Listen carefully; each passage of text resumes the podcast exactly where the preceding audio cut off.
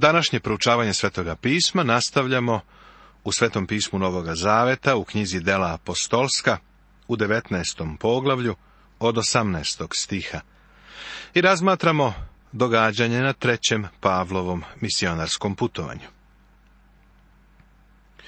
Čuda koja su činili Pavle i ostali apostoli nisu bila ona o čemu danas slušamo.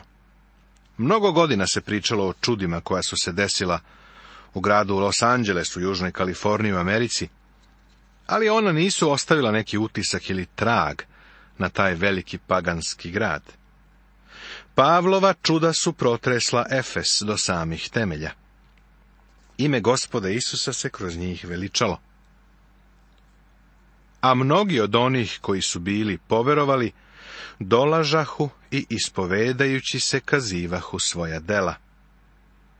Od onih pak koji su se bavili vraćanjem, priličan broj donese svoje knjige na gomilu, pa ih spališe pred svima.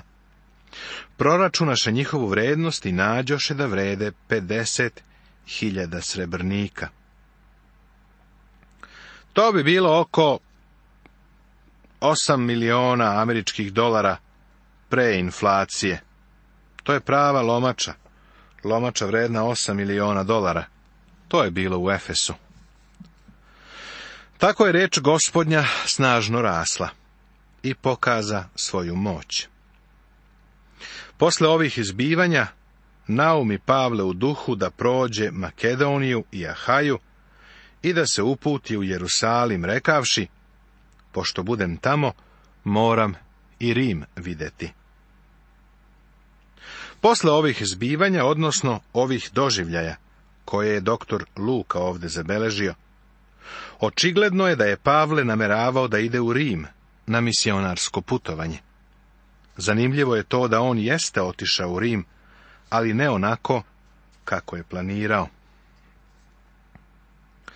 Stoga posla u Makedoniju dvojicu svojih pomoćnika, Timoteja i Erasta, a sam osta još neko vreme u Aziji. U ovo vreme je pisao Korinčanima. Očigledno je da su Timotej i Erast odneli pismo i uručili ga. Iako je bilo adresirano na Korinčane, pismo je stiglo i do ljudi u Makedoniji, što podrazumeva i Solun i Filipe, kao i crkve u Ahaj sa Korintom i Atinom. U ovom pismu je Pavle pisao da su mu se otvorila velika i silna vrata u Efesu, ali da ima mnogo protivnika. Sada vidimo da su ti protivnici bili sotonske prirode. To je bio centar paganske religije, obožavanja sotone.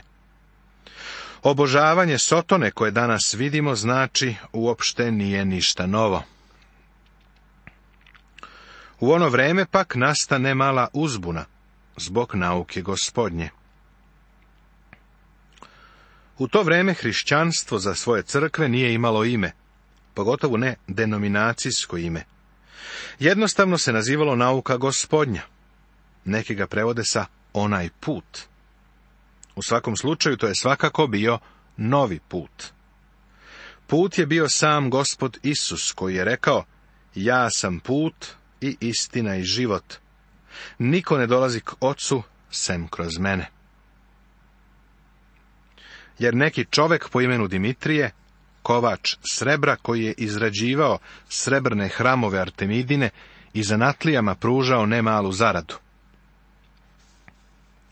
Dijanin hram je bio veliki paganski hram i poslovni centar. Predstavljao je tadašnju banku. Bio je također i centar greha. Tu se dešavao užasan nemoral. Istina je da religija može da padne niže od svega ostalog. Taj hram je bio jedan od sedam čuda starog sveta, najveći grčki hram ikada sazidan. Bio je divan i ukrašen umetničkim delima, ali je lik Dijane, odnosno Artemide, bio grozan. To nije bila grčka Dijana divnog lika, već ružna orijentalna Dijana sa mnogo grudi. Te srebrne likove su prodavali i to je bio veliki posao. Pavlova služba se umešala u to. Sakupi ih i radnike koji su se ovim bavili, pa reče. Ljudi, vi znate da naše blagostanje dolazi od ovoga posla, a posmatrate i slušate da je ovaj Pavle ne samo u Efesu, nego skoro po svoj Aziji ubedio i odvratio mnogi narod, govoreći da bogovi rukama napravljeni nisu bogovi.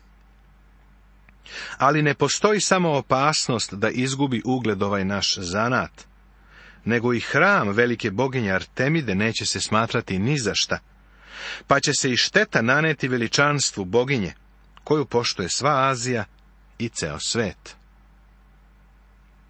Vidiš da se ova graja koju je vodio Dimitrije vrtela oko njihovih prihoda.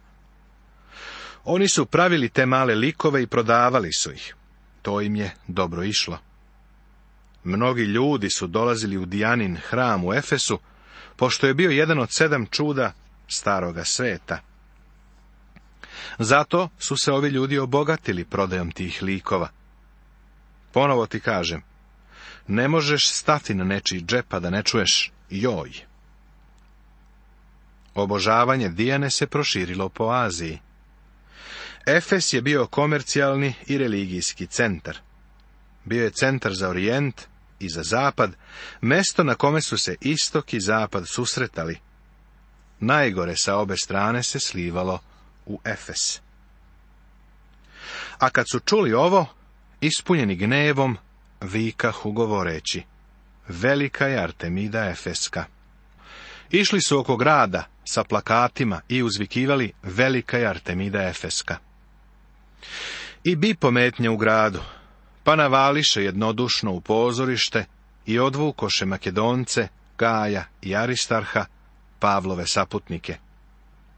Kada je pak Pavle hteo da uđe u narod, učenici mu ne dadoše. Pavla bi gomila dograbila naravno. Apsolutno bi ga ubili. On je već imao slično iskustvo u Galatijskoj zemlji, kada su ga u Listri kamenovali. A neki od Azijerha, koji su mu bili prijatelji, poslaše k njemu i savjetovahu ga da se ne pojavi u pozorištu. Neki od Azijerha, odnosno poglavar iz Azije, su bili politički ili religijski službenici koji su se zvali Azijarsi. Oni su savjetovali Pavla da se ne obraće gomili. Rekli su mu da bi to bila ludost i da nimalo ne bi bilo dobro da upadne u tu gomilu. Jedni su vikali jedno, a drugi drugo, jer je skup bio smućen i većina nije znala radi čega su se iskupili. U to podstakoše iz naroda Aleksandra, koga su judeji gurali napred. Aleksandar pak mahnu rukom i htede da se brani pred narodom. Aleksandar je verovatno bio obraćenik koji je bio sa Pavlom.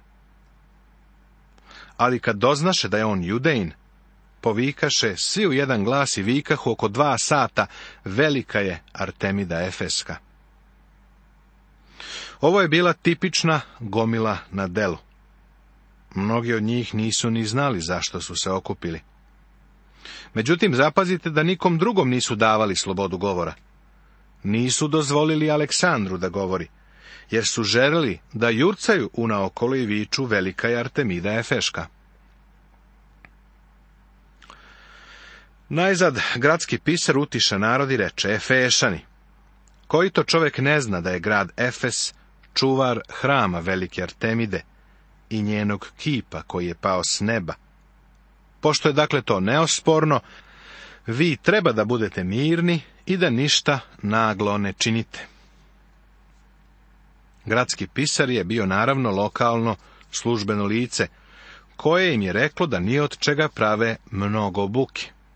On ovako kaže, pogledajte taj veliki hram i veliku Artemidu. Ništa im se ne može desiti, ništa se protiv njih ne može reći. Naravno, i hram i Artemida su već dve hiljade godina u ruševinama. Dovedo ste ove ljude koji nisu pokrali hram, niti hule na našu boginju. Stoga ako Dimitrije i majstori koji su s njim imaju tužbu protiv nekog, ima dana kad se sudi i namesnici su tu. Neka onda tuže jedan drugoga. On kaže da ako kovači srebra žele da podnesu zvaničnu tužbu, sud je otvoren. Ako li nešto više tražite, rešit će se u zakonitoj skupštini, jer nam preti opasnost da budemo tuženi za današnju bunu, pošto nema nikakvog razloga kojim bismo mogli da se opravdamo za ovu bunu. Rekavši ovo, raspusti skup. Rekao im je da ako imaju nešto što žele da iznesu, treba da sednu i održe uredan sastanak. Treba da spuste svoje plakate, da prestanu da viču i trče okolo. U stvari bili su u opasnosti da ih optuže za metež. Metež nije ništa novo, prijatelju. Ceo ovaj prizor deluje veoma moderno i danas. On dakle raspušta gomilu. Kada je njihovu pažnju skrenuo na ono što su radili, gomila se razišla i ljudi su otišli kućama. Pavlova služba u Efesu je sada završena. On odlazi iz Efesa i vraća se u Makedoniju. Poglavlje 20. Tema Treće Pavlovo misionarsko putovanje se završava. Nakon Pavlovog doživljaja u Efesu, on nastavlja za Makedoniju, u Filipe, natrag u Troadu i na Milit. Starešine crkve u Efesu susreću se sa njim u Militu. Tu imaju dirljiv ponovni skup i oproštaj. Pavle ide u Makedoniju. A kada se buna utišala, Pavle dozva učenike posavetova ih, oprosti se od njih i krenu na put u Makedoniju. Ovo znači da je ponovo posjetio Atinu i Korint. Ovde je ostao tri meseca. Kada je nameravao da otplovi za Siriju, Judeji skovaše zaveru protiv njega, te odluči da se vrati preko Makedonije. Pratili su ga Pirov, sin Sopater iz Verije, Solunjeni Aristarh i Sekund, Gaj iz Derve i Timotej, Tihik i Trofim iz Azije. Svi imenovani ljudi su svi bili vernici koji su došli Hristu u toku Pavlove službe. Sa njim je sada značajna delegacija. Ovi ljudi su postali misionari.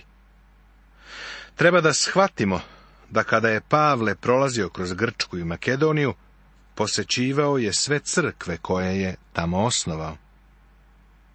Zaustavio bi se u Atini i Korintu, u Solunu, u Iveriji i u Filipima. Ponovo je prolazio istim putem i posećivao sve crkve koje su bile u Europi, ili bar u evropskom delu ovog trećeg putovanja.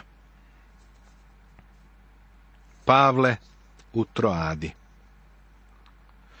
Možda se sećaš da je Troada bila odskočna daska, sa koje je Pavle odskočio u Europu na svom drugom misionarskom putovanju. Sada se vratio u Troadu na svom posljednjem putovanju. Ovi odoše napred i čekahu nas u Troadi. To nas govori o tome da je doktor Luka ostao sa Pavlom dok su drugi otišli pre njih na Troadu. Ovo je značajna grupa ljudi, misionara koji su radili sa Pavlom. Smatram da su oni i pre putovali sa Pavlom. Kada bi Pavle imao službu u gradu poput Korinta, ovi ljudi su verovatno odlazili u okolne manje gradove i sela i tamo služili. U poslanici Kološanima čitamo o tome da se Božja reč u to vreme pročula među celim svetom. To zvuči neverovatno, ali je istinito. To nije samo puka govornička slika. Naravno, ceo svet podrazumeva rimsko carstvo, jer je to bio tadašnji svet. Božja reč se proširila po celom rimskom svetu. Ovde stičemo neka zapažanja i uviđamo da je bilo i drugih ljudi koji su radili sa apostolima. Dela apostolska prate rad Petra i Pavla kao istaknutih ljudi. Petar je bio apostol jevrejima, a Pavle bošcima. Ono što imamo ovdje u delima apostolskim je vrlo ograničen izveštaj o misionarskom radu koji se odvijao. A mi, posle dana beskvasnih hlebova, smo iz Filipa i za pet dana dođo smo k njima u Troadu, gde smo sedam dana. Zanimljivo je da put, za koji je njima bilo potrebno pet dana, sada turisti mogu da obave za oko 50 minuta. Koliko je danas prevoz drugačiji? Prevoz je mnogo efikasniji, ali naša služba nikako nije. A kad smo se u prvi dan nedelje sastali da prelomimo hleb, Pavle im je propovedao. Kako je nameravao sutradan da otputuje, produži govor do ponoći. O ovom stihu bih želeo da kažem nekoliko stvari. Želeo bih da primetiš da su se okupili prvog dana sedmice. Tamo gde se govori o danu okupljanja prve crkve, uvek je reč o prvom danu u sedmici. Pavle kaže Korinčanima da svoje darove treba da donose prvog dana u sedmici. Vidi prvu poslanicu Korinčanima, 16. poglavlje, drugi stih. Kod nas piše, a kad smo se u prvi dan nedelje sastali da prelomimo hleb, što znači da su gospodnju večeru imali nedeljom. Toga dana im je Pavle propovedao. Prva crkva se sastajala prvog dana u sedmici, to je bio značajan dan, jer je tog dana Isus ustao iz mrtvih. Kod stvaranja je bio važan sedmi dan, subota. Ona pripada starom stvorenju. U subotnji dan Isus je bio mrtav, bio je u grobu. Prvoga dana sedmice je izašao. Mi se okupljamo toga dana jer smo se pridružili tom živom Hristu. On je svedočanstvo o prvom danu sedmice.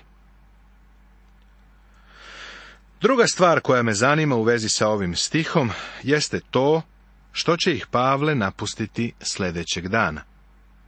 Zato je propovedao sve do ponoći. Ne poznajem ni jednu zajednicu koja bi mene slušala sve do ponoći.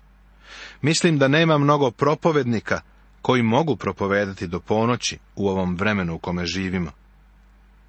Međutim, ovo je posljednja Pavlova poseta. To je jedan sastanak pun nežnosti.